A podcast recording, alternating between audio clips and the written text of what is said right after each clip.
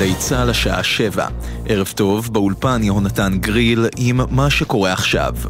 דיווח בניו יורק טיימס, נשיא ארצות הברית ביידן פועל להשגת עסקה ביטחונית עם סעודיה שתכלול נורמליזציה של ישראל עם ריאד. עם הפרטים כתבנו המדיני יניר קוזין. העיתונאי תומאס פרידמן כתב בטורו כי הנשיא ביידן פועל להשגת עסקה ביטחונית עם סעודיה, אך טרם החליט האם להיענות לדרישותיה של ריאד, הכוללות בין היתר תוכנית גרעין לצרכים אזרחיים. פרידמן מציין כי העסקה צפויה לכלול גם נורמליזציה בין ישראל לבין סעודיה, וזאת תחייב את ישראל לבצע מהלכים משמעותיים לקראתם של הפלסטינים. שליחיו של הנשיא, היועץ לביטחון לאומי והשליח המיוחד לאזור ביקרו בסעודיה כמה פעמים במטרה לבחון את העסקה.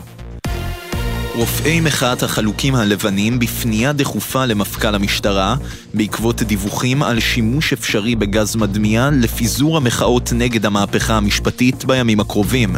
מדווח כתבנו יובל שגב. בעקבות ציטוטים של בכירים במשטרה, לפיהם ייעשה שימוש במידת הצורך בגז מדמיע בהפגנות הבאות בקפלן, פרסמו איגוד רופאי בריאות הציבור וגופים נוספים אזהרה לפיה עשויות להיות לשימוש באמצעי השלכות חמורות על בריאות המפגינים. הם קראו למפכ"ל להשתמש באמצעים אחרים לפיזור הפגנות. כמו כן הזכירו כי שימוש בגז מדמיע מותר רק בהפרות סדר קשות, כאשר ישנה אלימות חריגה וקשה נגד שוטרים או נגד אזרחים אחרים. צעיר בן 19 נפצע קשה מירי בסכנין. באירוע נפצעו גם צעיר בן 20 באורח בינוני, ושני גברים בשנות ה-50 לחייהם קל. כתבנו בצפון הדר גיציס מוסר שצוותי מגן דוד אדום פינו אותם למרכז הרפואי לגליל בנהריה. אחרי שיגור הרקטה הבוקר מאזור ג'נין, גורמי ביטחון אומרים לגלי צה"ל, כניסה נוספת של הצבא לג'נין היא בלתי נמנעת, נידרש לפעול שם בקרוב. עם הפרטים כתבנו הצבאי דורון קדוש. כחודש לאחר מבצע בית וגן במחנה הפליטים ג'נין, ולאחר שבשבועות האחרונים צה"ל נמנע מלהיכנס לג'נין ונתן לרשות הפלסטינית לפעול שם, גורמי ביטחון אומרים לנו, כניסה נוספת לג'נין היא בלתי נמנעת לצד פעילות הרשות. ארגוני הטרור משקמים את התשתיות וממשיכים להוציא פיגועים, ולכן ישראל תידרש לפעול שם כבר בתקופה הקרובה. הבוקר פעילות הטרור באזור נמשכה עם רקטה ששוגרה לעבר המושב רמון בגלבוע. חודש יולי הנוכחי יהיה החם ביותר מאז המאה ה-19, כך מעריך ארגון המטאורולוגיה העולמי. מדווחת כתבת חדשות החוץ שחר קנוטובסקי. שלושת השבועות הראשונים בחודש יולי היו החמים ביותר מאז החלו המדידות, כך על פי נתונים שהוצגו בדיווח השירות לשינויי אקלים מטעם האו"ם. החודש הנוכחי צפוי להיות מוכרז כחודש החם ביותר שנמדד בהיסטוריה. הטמפרטורות הגבוהות בתקופה האחרונה מיוחסות לגלי חום ברחבי העולם, שגרמו גם לשרפות ענק ביוון, באיטליה ובקנדה. וגם אצלנו ישררו מחר עומסי חום כבדים עד קיצוניים ברוב אזורי הארץ. לידיעת נוסעי רכבת ישראל, שיבושים בתנועת הרכבות יורגשו באזור תל אביב והמרכז, בעיקר בתחנות סבידור והשלום, החל בשעה תשע, בשל עבודות במערכת החשמל. כתבנו לענייני תחבורה גל ג'רסי מוסיף, כי רכבת ישראל מבקשת מציבור הנוסעים להתעדכן בלוחות הזמנים של הרכבות באתר הרכבת. ואלה מועדי צאת צום תשעה באב. בירושלים שמונה ותשע דקות, בתל אביב ובחיפה בשמונה ואחת עשרה דקות, ובבאר שבע בשמונה ועשרה. לעדכונים נוספים חפשו את גלי צה"ל בטוויטר. אלה החדשות, בצוות יוני זילברמן וליאם גל.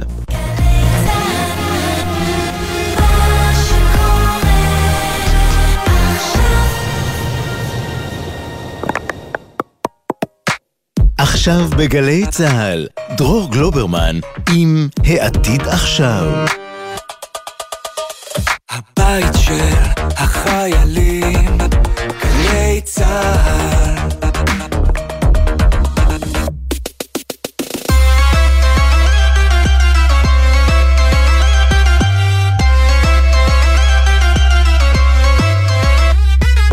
ערב טוב. זה עלול להיות יותר גרוע מהחלומות הכי רעים שלנו. עד לפני עשור, הקימו רוב היזמיות והיזמים הישראלים את הסטארט-אפים שלהם בארצות הברית, ככה היה מקובל. ובשנים האחרונות דווקא קרה תהליך מדהים. האמון בישראל עלה לרמה כזו שלמשקיעים הזרים לא הייתה בעיה להזרים דולרים ויורו לחברות ישראליות, חברות בעם. כל זה נגמר עכשיו, נגמר בבום. המשקיעים לא רוצים לשמוע על זה. הם חזרו לדרוש מהיזמים הישראלים להקים את החברה מחוץ לישראל, והיזמים, אתם יודעים, הם מצייתים לכסף. בתוך כמה חודשים, אף האמון במשק הישראלי עשור אחורה. יזמים, עובדים, חברות וכספים נוהרים החוצה מישראל במסות. אי היציבות מבריחה אותם לחפש עתיד ברור יותר במקומות אחרים, כי ענף הייטק, אתם יודעים, הוא מספיק בלתי יציב לכשעצמו. לא צריך גם מדינה קפריזית שמחר אולי תטיל מס גבוה על השקעות, או תגביל יציאת הון מגבולות ישראל, וידיו של בית המשפט יהיו כבולות מלהתערב. אז אחרי ש-80% מהסטארט-אפים הישראלים נפתחו באמת בישראל בחודשים האחרונים, 50 עד 80% מהיזמים הישראלים פותחים את הסטארט-אפים בחו"ל. זה אומר שהמיסים על האקזיטים של העשור הקרוב, שיכולים להיות מאות מיליונים או מיליארדי שקלים, כבר לא יגיעו לאוצר הישראלי. פחות סטארט-אפים, שווה פחות השקעות, שווה פחות משכורות גבוהות, שווה פחות מס הכנסה, שווה פחות אקזיטים, שווה פחות מס על אקזיטים, שווה פחות חינוך, פחות בריאות ופחות הגנה לכולנו. ככה פשוט. והאמת היא שעוד לפני כל הסערה הזו, היתרון הישראלי בהייטק כבר התחיל להיטשטש. תשומת הלב של העולם נדדה לתחומים אחרים, כמו אקלים או בינה מלאכותית, ובעיקר הבינה היוצרת, תחומים שבהם ישראל לא מהמובילים. בעוד כמה שנים, כשהעולם כולו יסתכל בפליאה על מדינה שוויתרה כמעט מרצון ובמודע על חצי מהקטר הכלכלי שלה לטובת מדינות אחרות, אנחנו בטח עוד נתווכח מי אשם, הממשלה או המחאה. אני יודע מי יסבול, כל ישראלית וישראלי. תכף יהיו כאן שני משקיעים, אחד הוציא כבר את הכסף החוצה, אחר משאיר, ננסה להבין האם כלשונם של ראש הממשלה ושר האוצר זה משבר קטן וזה חולף או שזו תחילת ההידרדרות. ועל הציפור הכחולה שחטפה חץ בלב, עכשיו היא איקס. אני מדבר על טוויטר כמובן, טוויטר ז"ל. לעתיד עכשיו, אני דרור גלוברמן, מתחילים. לעתיד עכשיו אנחנו נשים את הדעות בצד ונתחיל עם עובדות. מה באמת עובר על ההייטק הישראלי בחודשים האחרונים? אנחנו עם אבי חסון, מנכ"ל סטארט-אפ ניישן סנטרל, ערב טוב. ערב טוב, דרור. אנחנו עם ס... סקר מקיף שאתם ערכתם, מה הממצאים? הסקר הזה שערכנו בעצם בקרב uh, מאות רבות של מנכ"לים ומשקיעים בישראל הוא סקר המשך לזה שערכנו אך לפני חודשיים, כשהמטרה היא לבחון לא רק את הכוונות, אלא גם את הפעולות בשטח. מה קורה בשטח? התייחסת במונולוג הפתיחה שלך בעצם לתופעות שאנחנו רואים פה, והיה חשוב לנו לבדוק בעת הזאת ובאופן אה, תכוף מה קורה. מה שאנחנו רואים בעצם זה שהכוונות הפכו למעשים. אה, אם התייחסת לנושא של פתיחת חברות, אנחנו רואים שלצד העובדה שכמעט כל חברה חדשה שנפתחה בישראל במחצית השנה האחרונה נרשמה כחברה אמריקאית, גם חברות קיימות שכבר רשומות כישראליות נמצאות בתהליך של מה שנקרא היפוך שרוול, שינוי מקום הרישום שלהם לארצות הברית. המשמעויות, כבר דיברת עליהן. המשמעויות היא שהן שההעסקה, ההעסקה והמיסים, ובטח המיסים מהאקזיט, לא יגיעו לתוך האוצר הישראלי. תגיד, זה, זה באמת הרבה כסף? זה באמת משפיע על כן. החיים של כל ישראלי וישראלית? שוב, אני, אני חושב שמה שקרה, ו, והתייחסת לזה, עד לפני עשור זו הייתה הנורמה. כולנו רשמנו את החברות שם אה, מהרבה מאוד סיבות. אה, סיבות של אמון, סיבות של סיכון, סיבות של... אה, זו הייתה הדרישה ממשקיעים. טיפסנו באמת עקב בצד אגודל במשך 20 שנה למקום שבו המילים אה, חדשנות ישראלית, טכנולוגיה ישראלית, אקוסיסטם ישראלי, לא רק שלא מוסיפות לפרמיית הסיכון, אלא מהוות גורם משיכה למשקיעים הכי טובים בעולם, לחברות הרב-לאומיות המובילות. וכל הדבר הזה בעצם אה, נמצא בסכנה כרגע. המשקיעים והיזמים עושים את מה שאומרים להם לעשות, או את הדבר הנכון מבחינתם. כשפרמיית הסיכון עולה, מנסים לשלוט בגורמים שבשליטתך. אני רק מזכיר לכולנו שאנחנו נמצאים בתוך uh, משבר כלכלי גלובלי, זה לא קשור לישראל בכלל, הוא גם לא קשור להייטק, אבל הוא משפיע על שתיהן במידה רבה. בתוך הסיטואציה הזאת של ממילא מחזור כלכלי שלילי, אנחנו בעצם מוסיפים על זה את משקל היתר שאנחנו מביאים על עצמנו. שמע, אני חושב שהשאלה שעכשיו עוברת להרבה מאוד מאזינות ומאזינים בראש, זה מה השפיע יותר, האם יש דרך בכלל לדעת, האם זה המצב בעולם, האם זו המהפכה המשפטית, או הרעש והצלצולים שההייטקיסטים עושים סביבה, כלומר, לא היו יושבים בשקט וממשיכים לתכנת במקום להפגין, יכול להיות שהעולם לא היה מתרגש מזה בכלל.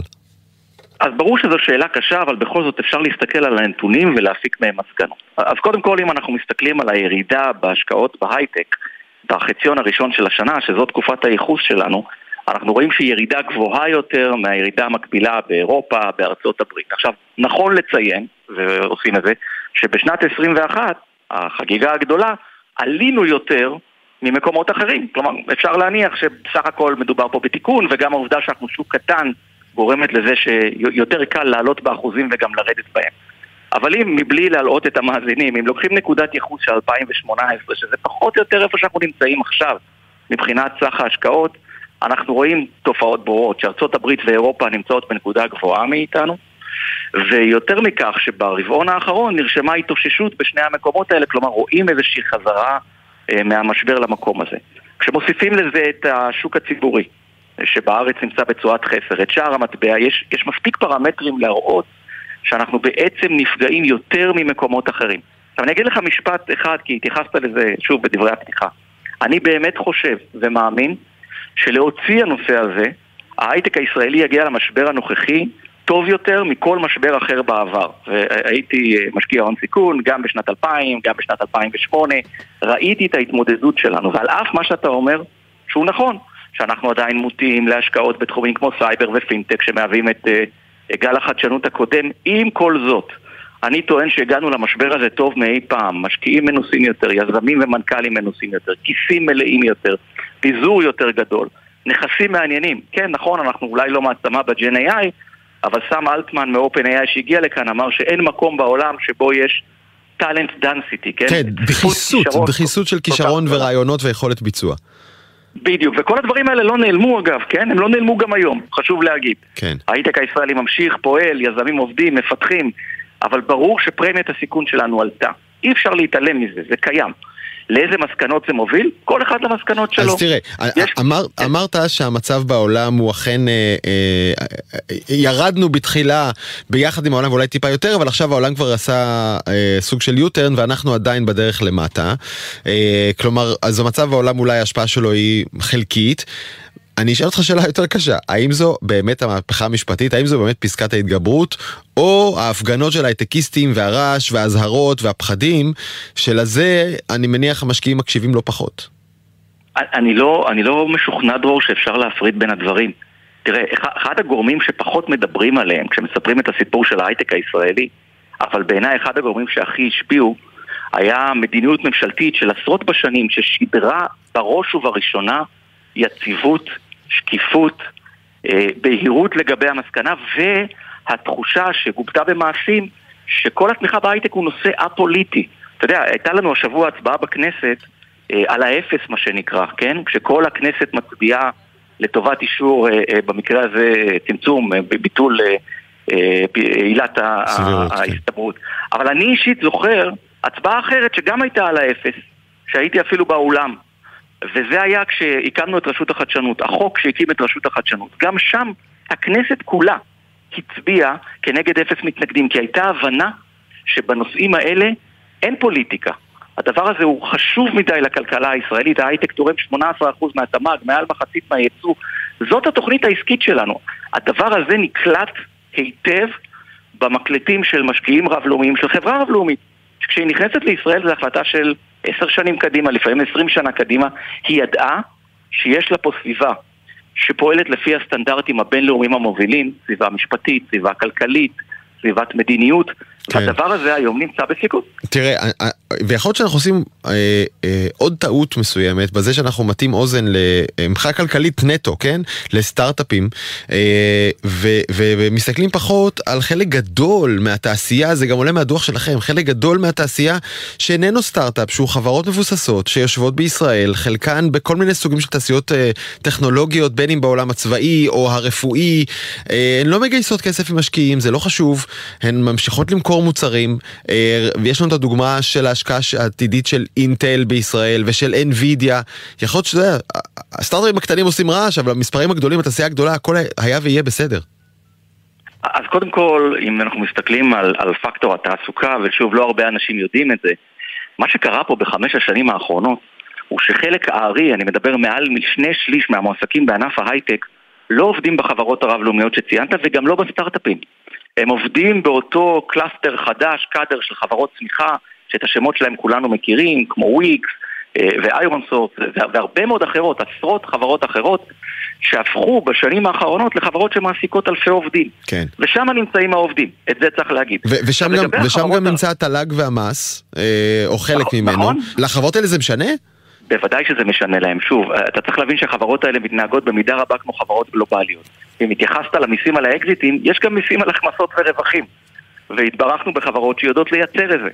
אם הדבר הזה לא נמצא בישראל, אז, אז, אז אנחנו גם לא נהנה ממנו, כל אזרח ואזרח מאיתנו. מודל הכנסות המדינה היום נמצא בסיכון אגב, כי הוא נשען במידה רבה על ההכנסות שזורמות מהענף הזה. זה, זה פשוט אה, עובדה, אנחנו יכולים לאהוב את זה או לא לאהוב את זה, לתמוך או להתנגד, אבל הזרמים הכלכליים הם הרבה יותר, הרבה יותר גדולים. עכשיו, ממה אני מפחד, רוב?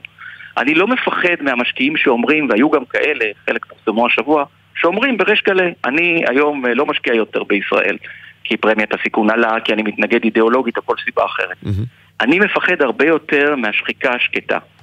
מאותו משקיע שפשוט יעשה את האנליזה ויגיד, בשוק שממילא אני מצמצם את השקעותיי, ממילא אני מפחית במספר היחסים שלי, אולי השנה לא, אולי אה, ניתן קצת לנוח ונראה מה קורה בישראל.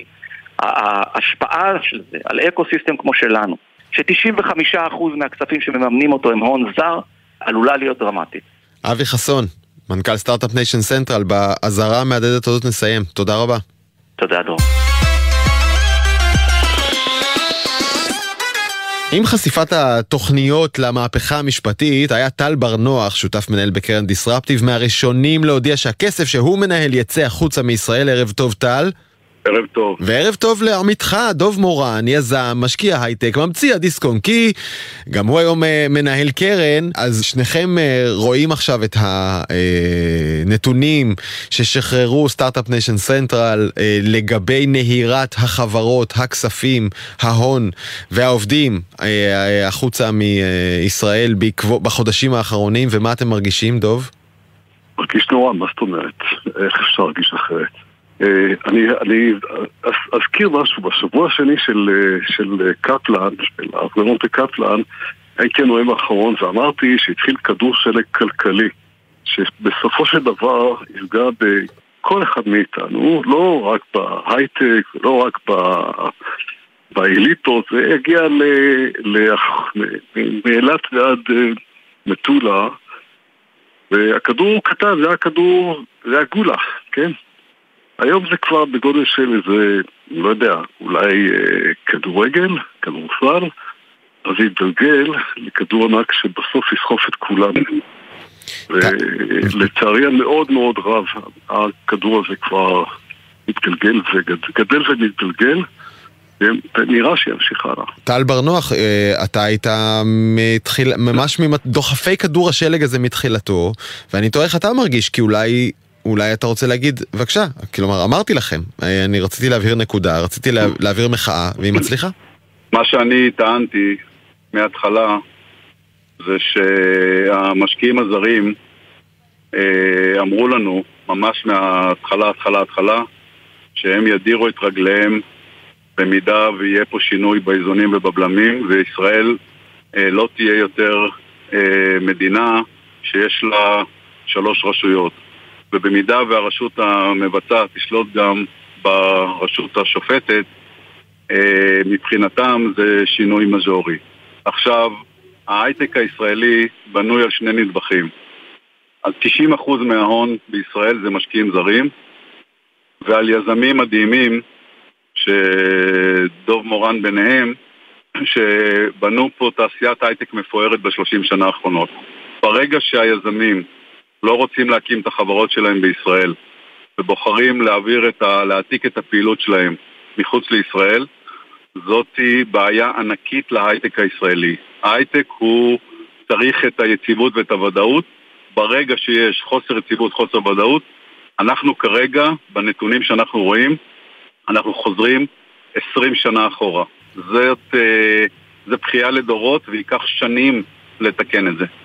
תראה, אנחנו uh, דיברנו לפני רגע עם uh, אבי חסון מסטארט-אפ ניישן סנטרל וניסינו לשים את האצבע על המגמות הללו, אבל לצד הסטארט-אפים וגיוסי הכספים, uh, הזכרתי את זה גם לא, יש בישראל עוד המון חברות גדולות שאינן סטארט-אפ, אינן, לא נמצאות בשלב של ריצה אחר כספי משקיעים, אלא הן מייצרות ומרוויחות ומשלמות מיסים והכל טוב. ראינו את אינטל ואנווידיה מגדילות השקעות בישראל ממש בחודשים האחרונים. יכול להיות שאנחנו עושים טיפה יותר מדי רעש? אה, אני חושב, יש קודם כל, כל דבר כזה שקורה זה מצוין, בוא לא נתבלבל. אה, אינטל זאת אה, תוכנית מלפני כמה שנים, וזה שהיא מממשת אותה כרגע זה נהדר. NVIDIA חברה מדהימה, גדלה בכל העולם, וזה שהיא תגדיל את הפעילות שלה פה זה מצוין. הבעיה היא אחרת. הבעיה היא שאם כרגע לא יקומו סטארט-אפים, בעוד שלוש, ארבע, חמש שנים לא יהיה את החברות צמיחה שהרגע דיברת עליהן. פשוט לא יהיו. אז עכשיו, אם אנחנו לא נזרע את הזרעים, הנזק, אנחנו נראה אותו לאורך כמה שנים. זה לא נזק שכרגע אה, אה, אה, מסתכלים עליו ואומרים, אוקיי, כבר הכל קרה. זה נזק מתמשך, וברגע שמוקמות פחות חברות סטארט-אפ, ברגע שמשקיעים לא משקיעים פה כסף, אז בעוד כמה שנים לא יהיה פה. אה, שניכם בסך הכל לא חלוקים, אני חושב, על הדעה הזאת, ואני חייב אה, להתוודות גם בפניכם וגם בפני המאזינות והמאזינים שלנו. כשאנחנו מחפשים, ואנחנו עושים את זה הרבה בחודשים האחרונים, אנשי הייטק, בכירים, נשות הייטק, מנהלות, משקיעות, משקיעים, שיציגו את העמדה ההפוכה, אה, התומכת בשינויים המשפטיים והמשטריים ושלא רואה קושי גדול להייטק, אנחנו לא כל כך מוצאים, ואני תוהה האם זה אנשים שחוששים לדבר, אבל הם קיימים במספרים גדולים, או שבאמת ההייטק אחיד בדעתו. דוב. שמע, אני מכיר אלפי אנשים, עבדו אצלי Systems, אלף איש שאני בקשר איתם, והוא, אני לא מכיר אף אחד, אחד, שתומך ב... לא, לא מבחינה הימין-שמאל, או לא מבחינה על צורך לא צורך, אבל שתומך בחוקים האלה, אה, כי, כי זה לא קשור לדעה פוליטית, זה קשור להבנה הזאתי שיש פה נזק מטורף למדינת ישראל.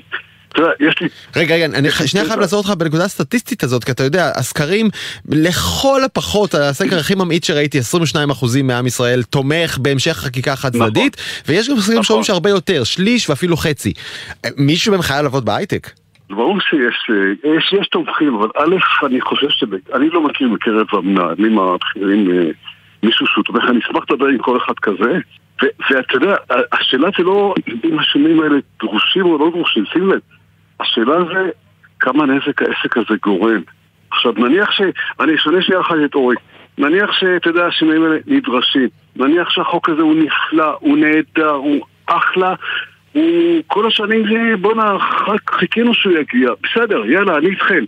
אבל, אתה יודע, זה נפלא, אבל כמה זה עולה? אם זה עולה 100 מיליארד שקל. זה שווה את זה? זה כבר עלה מעל 100 מיליארד שקל. זה ימשיך לעלות בסוף עוד יותר, ומה זה העוד יותר הזה? זה הכסף שהולך במקום בתי חולים חדשים, במקום MRI בפריפריה, במקום הגנה מה, מהאטום האיראני. זה לא כסף שהוא יש, הוא, בא, הלך, איכשהו כזה הגיע, לא הגיע. זה בסוף גורל עם ישראל.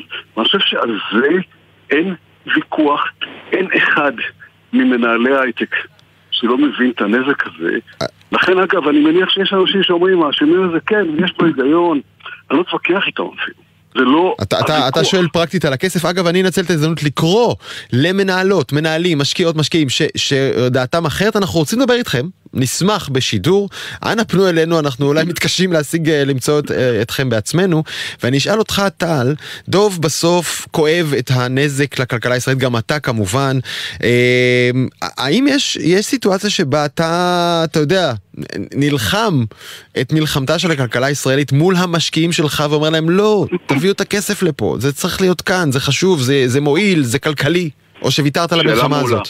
אנחנו השגרירים הכי טובים של ישראל כשאנחנו מחוץ לישראל. אנחנו 25 שנה מקטטים רגלינו בכל העולם בשביל להביא לפה מיליארדים של דולרים שיושקעו בישראל. אז כשאנחנו בחוץ, אנחנו שגרירים הכי טובים, דרך אגב, פי אלף יותר מכל שר בממשלה. הבעיה, הבעיה היא פה. ופה, בישראל, אנחנו צריכים להגיד את האמת. כי אם לא נגיד את האמת, אז אנחנו חוטאים לתפקידנו. כי אם אנחנו רוצים להציל את ההייטק הישראלי, אנחנו צריכים לספר את הסיפור האמיתי פה. אני, ברור שכשאני פוגש משקיע זר, אני אומר לו, תקשיב, אני הולך להקים את הקרן הבאה שלי, ברור שאני רוצה שתשקיע בה. מה אני אגיד לו? לא, הכל נורא פה, אל תשקיע בי. זה ברור שזה טמטום.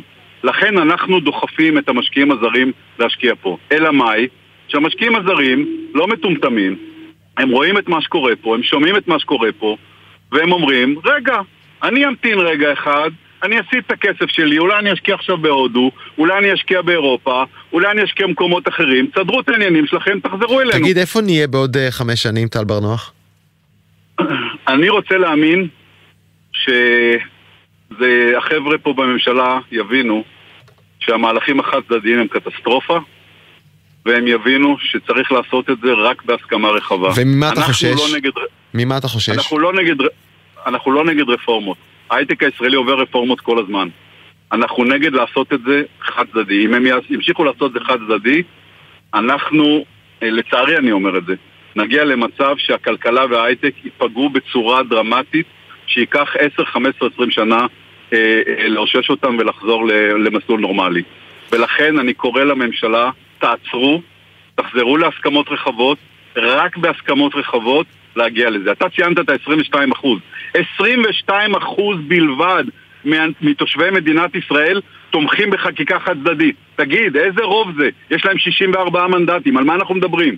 אני חושב שהדאגה של טל ושלי זה לא על, רק על ההייטק ועל, ועל הכלכלה הישראלית, זה דאגה אמיתית לעם ישראל, כי עם ישראל לא יחזיק מעמד בסיטואציה הזו שבה הפגיעה תהיה כל כך עמוקה. בסוף צריך פה כסף להגנה, צריך פה להשאיר את האנשים הטובים, צריך פה אה, אה, לשמר את מה שיש, זה לא יקרה בזה שיהפכו את אה, גולני לטייסים, כן? הם לא, הם לא... כל הקונספט הזה הוא, הוא בעייתי, המדינה נסמכת היום הרבה מאוד על ההייטק ועל הכלכלה. אבל אני חייב לגמור באופטימיות, כי בוא'נה, גם טל וגם אני באנו מיזמות, אנחנו... אה, קשה, אני, אני חושב שיותר קשה אפילו ממה שטל תיאר, כי הפנייה של טל לממשלה היא יפה, רק שהחבר'ה האלה לא מקשיבים, לא אכפת להם מעם ישראל, לצערי.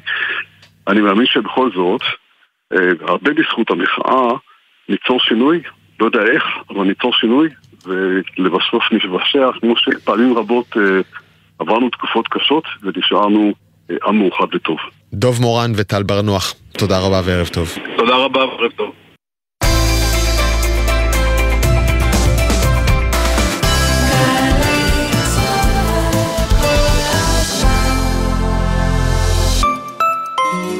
מה זה באמת להיות ישראלי? דינה זילבר במסע לתוך הישראליות עם דמויות מפתח בחברה, בספרות ובתרבות. והשבוע עם העורך דין אביגדור פלדמן. כל משפט יבשת חדשה, כל משפט שפה חדשה, עולם חדש, וזה מקסים אותי, אני רואה את עצמי אנתרופולוג משתתף, מה שקוראים בשפת האנתרופולוגיה. מילים ומשפטים עם דינה זילבר, הערב בשמונה, גלי צה"ל.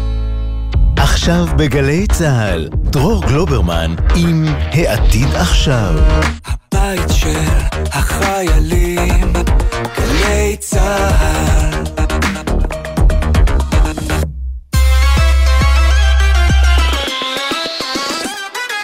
העתיד עכשיו, הציפור הכחולה שוחררה לחופשי, או שמא יורתה ונורתה בעודה מנסה לנווט במזג אוויר קשה. הגר רבת, כתבת הייטק בטק 12, איזה מהדימויים את uh, מעדיפה? אה, היורתה די מדייק, אפילו הייתי אומרת, אה, אתה יודע, אה, משכו אותה בחוט למטה. אוי ואבוי, אנחנו מדברים כמובן על טוויטר ועל הציפור הכחולה שהיא הלוגו המזהה שלה, שניהם אאוט. כן, אז השבוע באמת אילון מאסק מימש את האיומים שלו ומיתג את, את טוויטר מחדש כאקס. אה, והוא טוען שזה לא רק מיתוג מחדש של, ה, של הלוגו באמת, של אה, הורדת הסמל של הציפור ושם חדש, אלא שזה אה, צעד ראשון בדרך להפוך את אה, טוויטר ל-Everything App, אפליקציה של הכל. זה באמת קצת סופו של עידן, במובן הזה שטוויטר הוא כן אחד המותגים הוותיקים והחזקים באינטרנט, uh, uh, שנמצא איתנו לא מעט שנים, אז זהו, אין ציפור, אין תכלת ואין טוויטר, יש אקס, uh, והיא רוצה ללכת על המודל של וויצ'ט הסינית, שמה זה אומר, אגר? אז וויצ'ט זה באמת, זה אפליקציה שהיא גם רשת חברתית, אבל היא גם מציעה שירותי בנקאות והעברת כספים. אה, אתה גם יכול להזמין דרכה אוכל, או להזמין דרכה מונית, או, או איזה שהם שירותי תחבורה. ואתה גם יכול לצפות דרכה, אה, לצרוך דרכה חדשות, או, או, או סטרימינג, תוכניות טלוויזיה, או לשחק עליה משחקים. אפליקציה של הכל. זה קצת מוזר, כי בעצם הטלפון שלי הוא אפליקציה של הכל, נכון? יש לי את כל הדברים האלה שאמרתי, יש לי כבר בטלפון פשוט מפוזרים לחברות שונות, אפליקציות שונות וצבעים שונים. מבחינתי זה מעניין נורא, או זה, זה מועיל שהכל מכונס לכדי אפליקציה אחת, או זה דווקא רעש ובלאגן? אז אם אתה שואל את הסינים שהם מורגלים בזה, אז מן הסתם הם מהללים ומשבחים את וויצ'ט, אבל אתה יודע, זה גם גורם מאוד לריכוזיות. זאת אומרת, במקום שיהיה לנו כמה וכמה שירותים שמוצאים על ידי כמה וכמה חברות, שכל אחת עושה את הדברים בצורה קצת אחרת ואתה יכול לבחור בין כמה דברים, הכל מרוכז לך אה, תחת אותה קורת גג, ובואו, גם תחת אותו אה, אילון מאסק. שאתה יכול לאהוב או לא לאהוב את ה, או את האמונות שלו, את הדרכים שבהם הוא פועל, אבל הוא בסופו של דבר רוצה לשלוט לך בגישה לאינטרנט. כן, אני חולה על אילון מאסק כי הוא אה, בידור להמונים, אבל חוץ מזה, אני לא סגור לאן הוא הולך בחודשים האחרונים, אבל אה, אני חייב לשאול אותך, כמה, כמה מורכבת הקפיצה הזאת, האם בכלל בהישג יד? כי את יודעת, אנחנו מכירים חברות ומותגים שמשתדרגים, משנים שם, מוסיפים לעצמם עוד אפשרות, עוד איזה שירות חדש, אבל בדרך כלל, מה שעשית עד היום, עדיין קיים, ואז אתה מוסיף לזה עוד 10%, עוד 20%, 30% של חידוש. פה נדמה שהוא אומר, אה, טוויטר זה רק 5% ממה שאנחנו יכולים לעשות, אנחנו יכולים להוסיף עוד 95% חדשים לגמרי של כל החבילה הזאת. זה לא קפיצה גדולה מדי? בדיוק, בדיוק מה שאתה אומר, ולא רק שהולכים להוסיף עוד 95%, זה דברים שדורשים ממנו, אני מזכירה, אילון מאסק שהבריח משהו כמו חצי מהמפרסמים אה, מטוויטר ב, עם כל ההתנהלות שלו בשנה האחרונה. אילון מאסק הוא זה שרוצה עכשיו להפוך את זה לאפליקציית כספים בעצם, לשירותי בנק. הוא צריך לחתום על קווי אשראי עם בנקים גדולים. האם מי שלא רצה לפרסם בטוויטר יסכים לעשות עסקים עם טוויטר? אני לא לגמרי בטוחה. אני מזכירה גם אילון מאסק שפיטר שלושת רבעי מהחברה. עכשיו בעצם צריך לזכור אנשים, כנראה הרבה יותר אנשים, שיוסיפו לטוויטר שירותים שלא היו קיימים בקודם. נראה אותו עושה את זה בלי אנשים. ואולי שאלה אחרונה, בעניין השם עצמו. אני עכשיו כתבתי x.com בדפדפן, וזה הפנה אותי לטוויטר, אז א' אני קצת... תמה ש-x.com היה פנוי וחיכה כל השנים האלה אה, לטוויטר, ו- ושנית, זה, זה מותג בכלל? אני יכול להגיד, השם שלי x, ו- וזה רק שלי, מי שעוד ישתמש בזה, אני תובע אותו. לא, זה דווקא מאוד בעייתי מכמה סיבות שונות. אחת הסיבות שהסיומת X או XXX מזוהה עם אתרים מסוג שונה באינטרנט, mm-hmm. בוא נגיד תוכן למבוגרים, כן. שזה קצת בעייתי, והסיבה השנייה היא דווקא ש-X היא אות כל כך בנאלית ומתבקשת, שהיא קשורה להרבה זכויות יוצרים. חלק מהזכויות יוצרים האלה, אגב, הן זכויות יוצרים של מטא. מטא, מרק צוקרברג, אתם יודעים, כנראה כרגע הנמסיס הכי גדול של אילון מאסק, ואולי מי שנראה אותם הולכים מכות בחודשים הקרובים. אז uh, צפוי לו גם מאבק משפטי וגם בטח יהיו לו לא מעט uh, מהמורות פחות נעימות בדרך. וגם למייקרוסופט יש את אקסבוקס uh, וגם לה קצת זכויות על האות X, זה נורא מצחיק. נכון. אבל את צודקת שזה אות בנאלית. אם היה הולך על פי סופית, זה היה רק שלו. אין, אין תחרות על ה... על פי סופית. אני, אני לא מבינה איך לא הצענו לו פי סופית. איך לא הצענו לו פי סופית, או צדיק סופית, שגם קשה לכתוב. טוב, בקיצור, אנחנו מצפים, אם ככה, למאבק הזה של מטא ואילון מאסק, או סביב איקס, או על מכות, או שלחו מכות על זירה בצורת איקס, אפשר לדמיין את זה להרבה כיוונים. את בעיקרון, ממש לסיום, לא, לא צופה, אני מבין, הצלחה מסחררת ל-x.com. אני, בשלב הזה אני קצת מפחדת להמר, כי לפני שנה כשאילון מאסק נכנס לטוויטר, הימרתי שזה לא, לא יחזיק מעמד הרבה זמן. וכל פעם שקורה איזה משהו בטוויטר, אתם יודעים שהוא מגביל את כמות הציוצים שאתה יכול לקרוא כשהוא מעיף עיתונאים מהפלטפורמה, אז הזמן אומרים, או, זה מה שישבור את טוויטר, וזה לא שובר את טוויטר, לצורך העניין זה לא שובר את אקס כרגע, אז אני קצת מפחדת להמר, אבל תחושת הבטן שלי אומרת שזה, שזה לא הולך למקום טוב. הגר רבת, אנחנו נמשיך לבדוק מה קורה עם מה שפעם היה טוויטר והיום הוא אקס. האם אנשים ירצו להמשיך להשתמש בזה כפי שהם משתמשים בזה אה, היום, בטח מול התחרות החדשה, ולא אמרנו את המילה threads. תודה רבה לך. תודה דרור. עתיד עכשיו, עכשיו קפיצה לרוסיה, שבה חתם המנהיג ולדימיר פוטין על הקמת מטבע רובל דיגיטלי, זאת על רקע הקריסה הצבאית באוקראינה וההתחזקות של נאט"ו. מה המטרה? להתנתק מהדולר האמריקני, אבל כל זה עשוי להשתכפל למטבעות דיגיטליים במדינות רבות בעולם. איפה ישראל על המפה הזו? נתחיל בדיווח של יערה אברהם. שלום דרור, נשיא רוסיה ולדימיר פוטין חתם על חוק הרובל הדיגיטלי המאפשר לבנק המרכזי של המדינה להנפיק את המטבע הדיגיטלי שלו. הרובל הדיגיטלי ישמש לתשלום בנוסף לשיטות אחרות, והחשבונות של בעלי אותו מטבע דיגיטלי חדש יהיו בבעלות הבנק המרכזי ברוסיה. החוק הזה המתין כשבועיים לאותה חתימה של פוטין שהגיעה כאמור השבוע, אבל האמת שהם עובדים עליו עוד מ-2020. הפיילוטים של הפרויקט הזה החלו בפברואר 2020, קצת לפני שהמלחמה בין רוסיה ואוקראינה החלה, זאת אומרת שאין קשר ישיר בין אה, הגיית המהלך לבין המלחמה, אבל כעת כשעל רוסיה מוטלים עיצומים קשים מאוד מצד רוב העולם, הרובל הדיגיטלי עשוי אולי לסייע לעקוף חלק מההגבלות הפיננסיות שמטיל המערב. כבר כשהמיזם הזה נולד, אחד המניעים היו בדיוק זה, התחמקות מעיצומים, צורך שכמובן גדל מאז פרוץ המלחמה. לדברי ראש ועדת השווקים ברוסיה, הרובל הדיגיטלי יאפשר גם שליטה והגבלה על האופן שבו אזרחים פרטיים ישתמשו בכספם.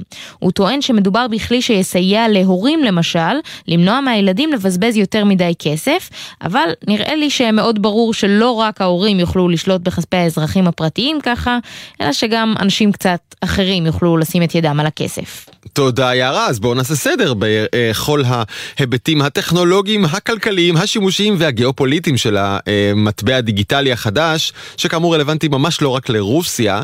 ערב טוב דוקטור ענת הוכברג מרום, מומחית לגיאופוליטיקה, משברים בינלאומיים וטרור עולמי. היי, ערב טוב. ערב טוב גם לאלי מזרוך, מנכ"ל ומייסד פילבר קסטל, בית השקעות לנכסים דיגיטליים. אה, אלי, נתחיל איתך, תסביר גם מהו המטבע הדיגיטלי, ואם את, אה, אם, אם נפרט, מה ההבדל בינו ובין העובדה שכבר היום אני מעביר כסף מכאן להנה באופן לחלוטין דיגיטלי דרך האפליקציה שלי. היי, ערב טוב. אה, מטבע דיגיטלי, אתה, אתה צודק במובן הזה שהרבה מדינות כבר מנסות לעשות את המטבע שלהם דיגיטלי, נניח שקל דיגיטלי או רובל אה, דיגיטלי כמו שאנחנו מדברים, יש הבדל מאוד מאוד חשוב בין אלקטרוני לדיגיטלי. היום הכסף שלך הוא כסף אלקטרוני, זה נכון, הוא יושב בחשבון בנק, אתה לא באמת רואה את השטרות, אבל במטבע דיגיטלי זה יהיה אה, כאילו שיש כל אה, שטר פיזי, הוא יהיה דיגיטלי, יהיה מספר לשטר. אפשר יהיה לעקוב אחריו, וזה לא, אה, לא רק איזשהו חשבון אלקטרוני שנכנסים ויוצאים שקלים, אלא כל שקל ספציפי או רובל ספציפי ידעו לעקוב אחריו uh, במרחב הדיגיטלי. וואו, זה אומר שבעצם כל הבנקים, שהיום הם uh, אוסף של uh, חשבונות בנק, כספים ותנועות, אבל צריך לעבוד לא מעט כדי, אם רוצים ממש, אתה יודע, לשרטט את כל מסלולי הכסף, בטח אם הם מחוץ לבנק, אז במטבע דיגיטלי, ברור לך לחלוטין מי שילם מה בכל רגע, בכל פינה בעולם, אי אפשר להבריח אגורה אחת מחוץ לרדאר.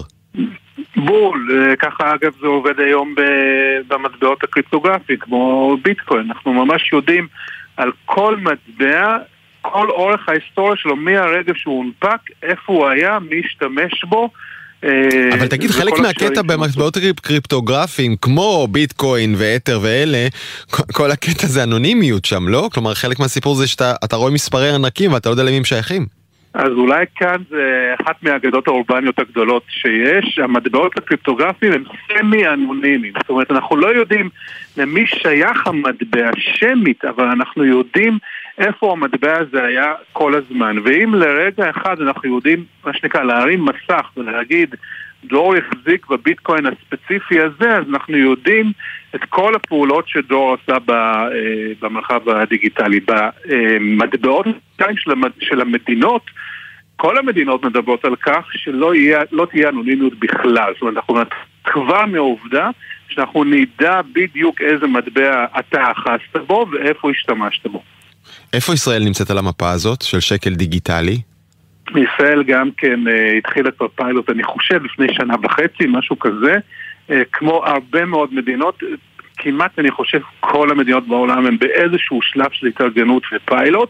חוץ מזה שהמדינה רואה עכשיו כל אגורה לאן היא נוסעת ואני לא יכול להעלים כלום, ואולי אני כאזרח שומר חוק ומשלם מיסים דווקא טוב לי שלא יהיה כסף שחור, יש עוד, יתרון, עוד איזה יתרון מהותי מהזווית שלי הצרכן שהמרתי את השקל הרגיל או האלקטרוני בשקל דיגיטלי? אה, כולם מדברים על כך שזה ייעל מאוד את כל המערכת הפיננסית, זאת אומרת אנחנו אמורים בסוף אה, שהעלות של אה, כל המערכת הפיננסית תהיה יותר נמוכה, יש להם פחות עמלות וכן הלאה, זה גם מאפשר הרבה יותר בקלות פתחים חדשים במקום הבנקים המסורתיים של עצמו שאנחנו מכירים, שיוכלו לפתוח לך חשבון. זה פותח תחרות חדשה ולוקח את הכוח מהבנקים. אה, אוקיי, זה, זה אפיל די גדול. עכשיו אני פונה אלייך, אה, דוקטור ענת הוכברג מרום. מדוע ולדימיר פוטין, מכל מנהיגי העולם, הוא הראשון שקופץ להשקת רובל דיגיטלי? קוני כל אני חושבת שהתזמון כאן הוא קריטי. אנחנו צריכים לזכור שבחודש הבא, בין ה-22 ל-24 באוגוסט, נפגש הפורום, חמש הכלכלות הצומחות או המתעוררות, סליחה, בעולם, שבראשן רוסיה, סין, הודו, אה, דרום אפריקה וברזיל, ולא בכדי זה מגיע, אני מניחה, חודש לפני, אם ככה, באמת כמו שקודם שמענו בדיווח, אומנם אה, עובדים על זה כבר אה, יותר משנתיים, אבל אין כאן שום מקריות. אה, מי שכאן אה, שולט ב...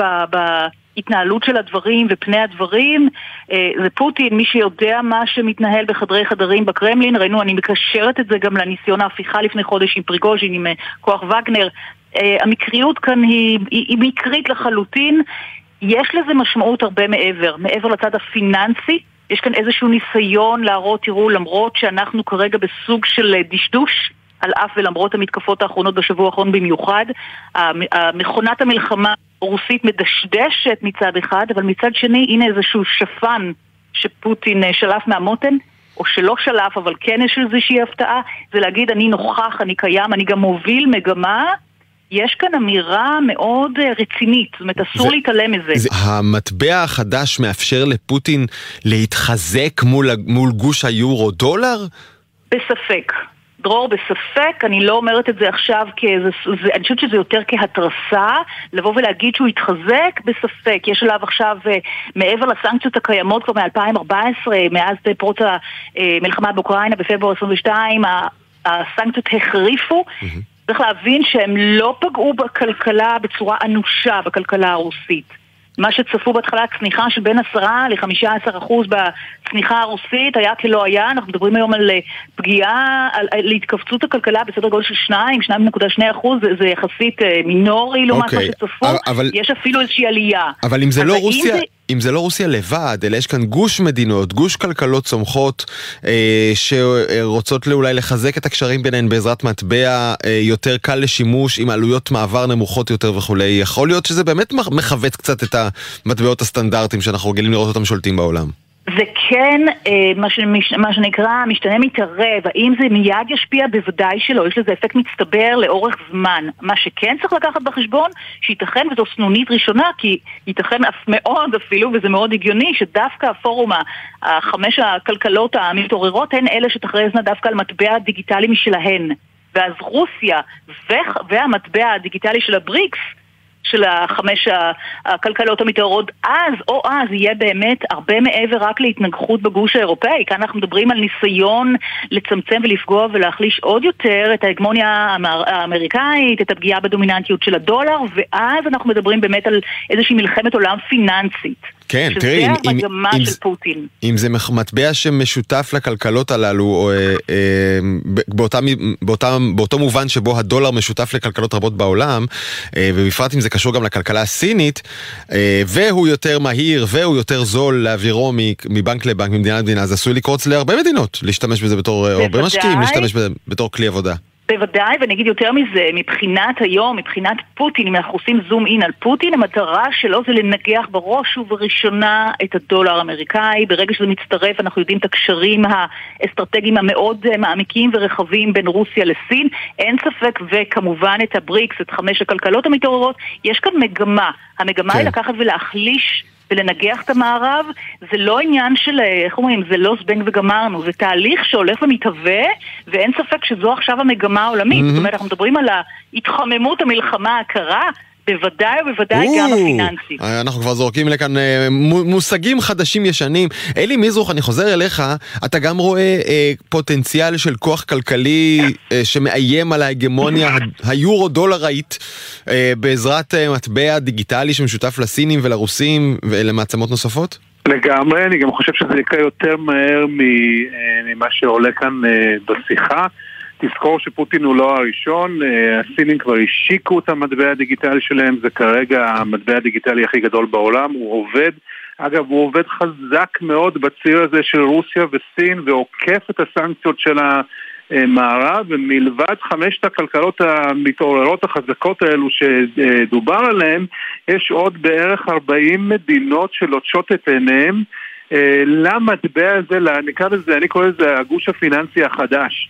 אה, שהוא לא גיאוגרפי, אלא מושתת על אינטרסים אחרים, כולל אינטרסים פיננסיים, שיעקוף את ההגמוניה של היורו דולר ללא ספק. רגע, מי, מי יהיה הפד, מי יהיה הבנק ישראל שלו שקובע את הריבית ו- ושולט בו בעצם?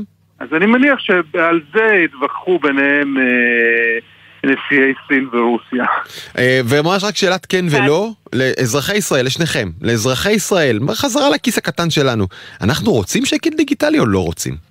אני חושב שכבר אין ברירה, אנחנו נצטרך כדי להיות חלק מהכלכלה העולמית עם אה, שקל אה, דיגיטלי. אני מקווה מאוד שממשלת ישראל תוכל גם לראות כאן איזושהי קפיצה לעידן כלכלי חדש ואז אה, ייטיב עם כל אחד מאיתנו. ענת? אני מזדהה עם כל מילה, ויותר מזה, אני חושבת שזה חלק ממגמה עולמית. אנחנו יכולים לשים את האצבע בסכר ולהגיד, זה, זה לא קורה לנו, אבל בשלב זה או אחר, א', זה יקרה, ב', אפילו זה מגמה חיובית מאוד, כי אי אפשר לעצור מגמה טכנולוגית, בטח לא עולמית, אבל רק ככה במאמר קצר מאוד בהקשר למה ששאלת קודם, אין ספק היום שה-UN הדיגיטלי הסיני הוא חזק, הוא גם הולך להוביל מגמה, אבל כאן המתחרה הקטן או השותף הקטן הרוסי יכול מאוד להיות שישתלב במגמה ואז נראה באמת את הדה-דולריזציה, את התהליך של ההפחתה או הפגיעה בדומיננטיות של הדולר, תהליך הרבה יותר מהיר. כי מדברים עכשיו כן. על הצפי של כן בשנים הקרובות, זה יכול לקחת גם הרבה יותר מהר. ואני תוהה מה... ואז לישראל אין ברירה אלא להיכנס למה... כן, לעולם הזה. ואז כשבישראל יהיה שקל דיגיטלי, אני תוהה מה הממשלה, איך תשתמש בו יותר, כדי להדק אחיזה באזרחים, או דווקא להיטיב עם שומרי החוק ולאפשר יותר תחרות. אלה שני כיוונים מנוגדים שמאפשרים, מתאפשרים בזרות המטבע הזה. אלי מזרוך ודוקטור ענת הוכברג מרום, תודה רבה לשניכם. ערב טוב, תודה רבה. לעתיד עכשיו יש לנו פינה חדשה, והפינה הזאת היא פינת סביבה עם אביב לביא, מגיש שיהיה בסדר בגלי צה"ל ופרשן לענייני סביבה בזמן ישראל. שלום אביב. אהלן דרור. אני רוצה להגיד גם לך וגם למאזיננו, אה, אם התוכנית שלנו נקראת העתיד עכשיו והיא עוסקת בעתיד בכלל, אז נראה לנו שסביבה צריכה להיות חלק אינהרנטי מהדבר הזה, לא? אה, כן, זה בהנחה שאנחנו חושבים שהסביבה תהיה איתנו עוד הרבה זמן, אתה יודע, אבל לא, לא, לא, לא נתחיל ישר בלום בראש אה, חמישה קילו, נכון? זהו, אבל זה גם התפקיד שלך, אני חושב, אה, להעלות את זה לשולחן, אבל כמו שאתה רואה, אנחנו פה mm. בפינה חדשה, הצבע עוד טרי על הקירות, עוד אין לנו אפילו אות, בונים עכשיו את האות, גם שם אין, אנחנו צריכים לחשוב על שם, אביב. לפינה הזאת. זה בסדר, גם, גם אני מדבר איתך כרגע מהבניין שאני גר בו שכולו בשיפוצים, אז אני מרגיש מאוד, uh, אתה יודע, הכל משתלב לי. הכל רעוע, לא הכל ארעי. כן. בדיוק. יש לי שם נורא פסימי, אתה מכיר את הספר uh, היינו העתיד של יעל נאמן, אחד הספרים הכי כן. טובים שקראתי אי פעם, על ילדות בקיבוץ ומה שחשבנו שנהיה, לא יודע, אולי זה, אבל אפשר לחפש משהו עם ירוק בפנים או, או משהו בסגנון. מבחינתי הכל בסדר. אוקיי, ירוק כאילו עובד. כמו חדש, אז יהיה לנו פה חיבור של חדשנות וסביבה. אוקיי, נחשוב על הכיוון הזה. אה, אוקיי. בינתיים, היום אנחנו רוצים לדבר דווקא על משהו לא... אה, אה, הייתה הצלחה וכבר איננה עוד שקיות. כן, אני אסייג את העניין עוד, יש איזו תמונה מורכבת. אנחנו כולנו זוכרים שפעם היינו, אה, כל ישראלי מוצא יוצא מהסופר עם אה, בוכטה של אינסופית של שקיות. שיהיה! חולקו, שיהיה, והם חולקו בחינם, ואנחנו, מה שנותנים לנו בחינם אנחנו לוקחים, ברוך השם. אה, ב-2016 בעצם עבר החוק, חוק השקיות, שאומר 10 אגורות לשקית בקופה של רשתות השיווק הגדולות, נכנס לתוקף בינואר, ב-1 בינואר 17, לפני 6 וחצי שנים. עכשיו בהתחלה זה היה הצלחה מסחררת, זאת אומרת בשנה הראשונה מספר השקיות שאנחנו צרכנו, לקחנו בקופות ירד בכ-80 אחוז. צריך רגע mm-hmm. להבין, ירידה של 80 אחוזים מתוך 180 מיליון שקיות שחולקו לפני כן בשנה. לא, לא, חול... אתה נורא אופטימי, חולקו מיליארד נקודה שבע אה. בערך. וואו, אה, ירדנו בשנה הראשונה מאזור ה-1.7 מיליארד כן. לאזור ה-400 מיליון. וואו. זו ירידה מטורפת. עדיין, כפי שאתה שם לב, גם 400 מיליון זה המון שקיות, וזה חלק מהבעיה. כן. אבל מה, בעצם, אה, אתה יודע, עם השנים אה, חל כרסום, כי מתרגלים, כי הרי העניין של העשר אגורות זה לא שבאמת מישהו נרעש מלשלם עשר אגורות, זה יותר האפקט הפסיכולוגי, האפקט התודעתי, אנחנו רוצים להצטרף למשפחת העמים הזה, אתה יודע, באירופה מסתכלים עליך נורא מוזר אם אתה מבקש שקית בקופה, ו... אבל זה הולך, הלך והתכרסם, וכל שנה הייתה עלייה קטנה, עלייה קטנה, עלייה קטנה, סך הכל עד 2020, 30 אחוז עלייה לעומת 2017. השנה, המשרד להגנת הסביבה מפרסם כל שנה דוח, זה הוא מחויב על פי חוק.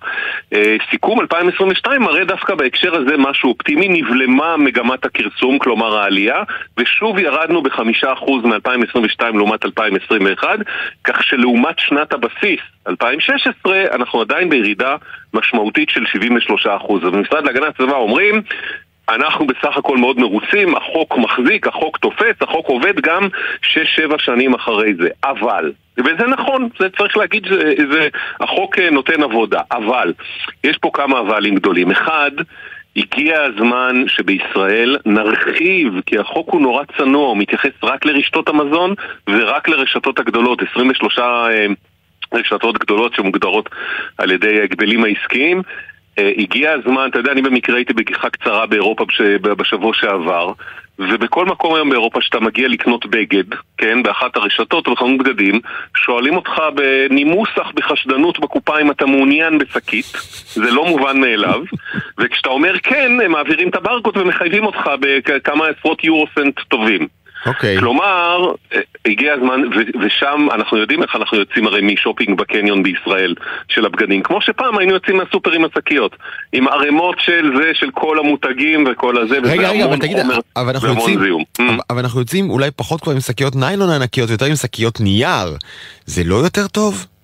גל, א', מבחינה סביבתית, כל התחשיבים מראים שאת התעשייה הזאת של שקיות נייר, שאגב הם לא בדיוק נייר, לפעמים זה חומרים מעורבים, וזה נייר עבה, וחלקם זה גם מין תיקים כאילו רב פעמים, אבל שכולנו יודעים שאנחנו לא באמת משתמשים בהם, כי כבר יש לנו ערימות כאלה בבית, כמו הוורודים האלה שרמי לוי שולח היום במשלוחים. אז זה לא בדיוק, זה לא, זה לא הפתרון. הפתרון הוא להרחיב לפארם. סופר פארמים למיניהם ולבגדים ומשום מה אה, אה, ממשלת ישראל, זה אגב כולל גם המשרדי השרות הקודמות להגנת הסביבה מתמר זנדברג בממשלה הקודמת ועוד לפניה גילה גמליאל, ארגוני הסביבה, אדם טבע ודין מבקשים, לוחצים להרחיב את החוק לענפים הנוספים, לא קורה. הדבר השני שהוא בסימן שאלה גדול פה, תראה, המשרד להגנת הסביבה בודק כל שנה כמה רשתות השיווק, כמה שקיות הם קנו וכמה הם מכרו. והשנה התגלה אה, פער מטריד של 180 מיליון שקיות. מה? אנחנו קנינו כ-470 מיליון, אבל רשתות השיווק קנו מהספקים שלהם 650 מיליון. עכשיו, מה זה אומר? אם להיות אופטימיים ואולי גם נאיבים, ה-180 מיליון האלה זה למלאי, הם אומרים את זה נמכור לישראלים, לצרכנים שלנו בשנים הבאות.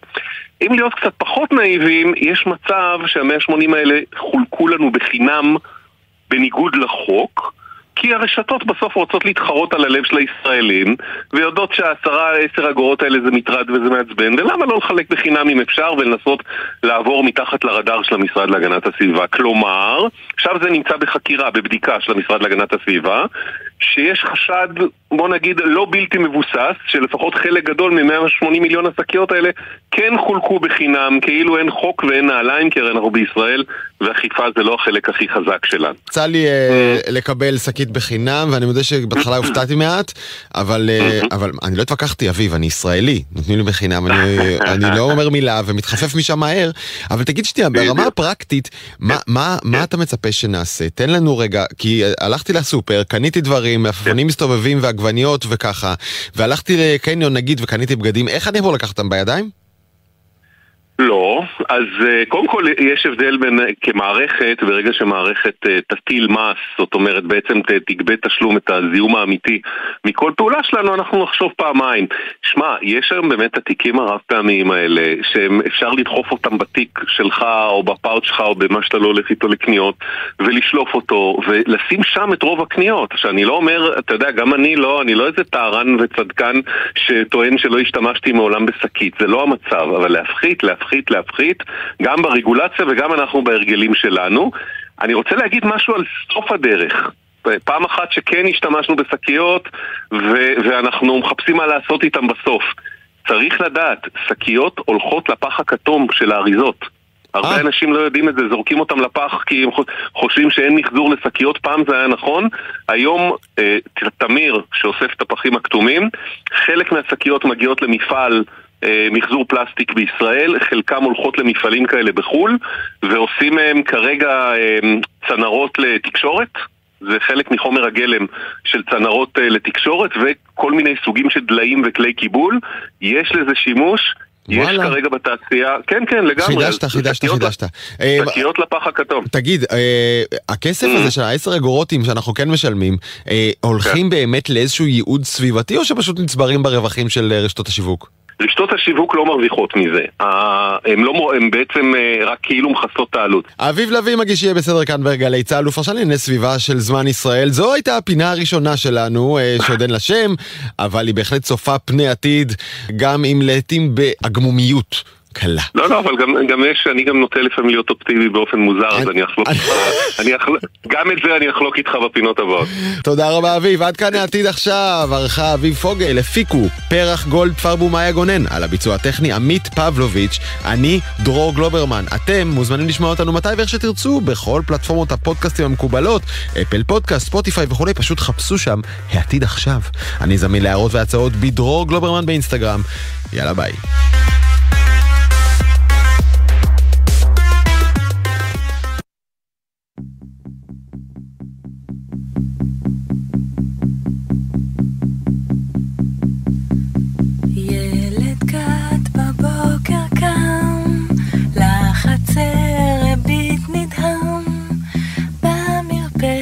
es